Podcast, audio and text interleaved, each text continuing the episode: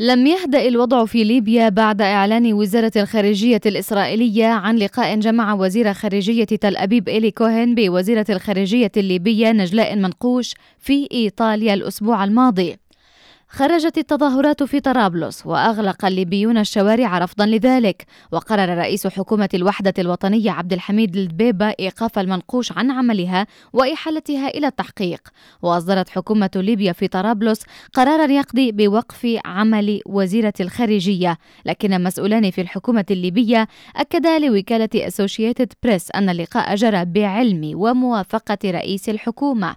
وقال أحد المسؤولين الوكالة الأمريكية إن دبيبة أعطى الضوء الأخضر للاجتماع الشهر الماضي عندما كان في زيارة إلى روما. وأضاف أن مكتب رئيس الوزراء رتب اللقاء بالتنسيق مع المنقوش.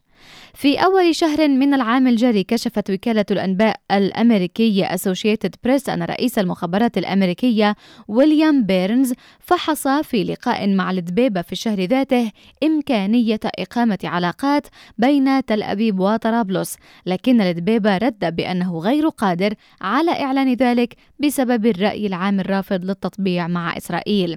وأكد مسؤول في الحكومة الليبية في تصريحات للوكالة الأمريكية دون ذكر اسمه أن تطبيع العلاقات بين ليبيا وإسرائيل جرت مناقشته لأول مرة في اجتماع بين الدبيبة ومدير وكالة المخابرات المركزية الذي زار العاصمة الليبية في كانون الثاني 2023 وقال المسؤول إن رئيس الوزراء الليبي أعطى موافقة مبدئية على الانضمام إلى اتفاقيات التطبيع التي توسطت فيها الولايات المتحدة لكنه أعرب عن قلقه بشأن رد الفعل الشعبي العنيف في دولة معروفة بدعمها السابق للقضية الفلسطينية.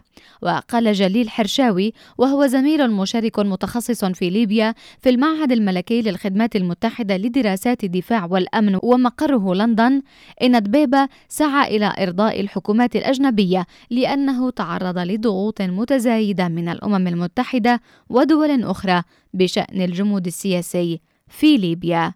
لشبكة أجيال أسيل دوزدار.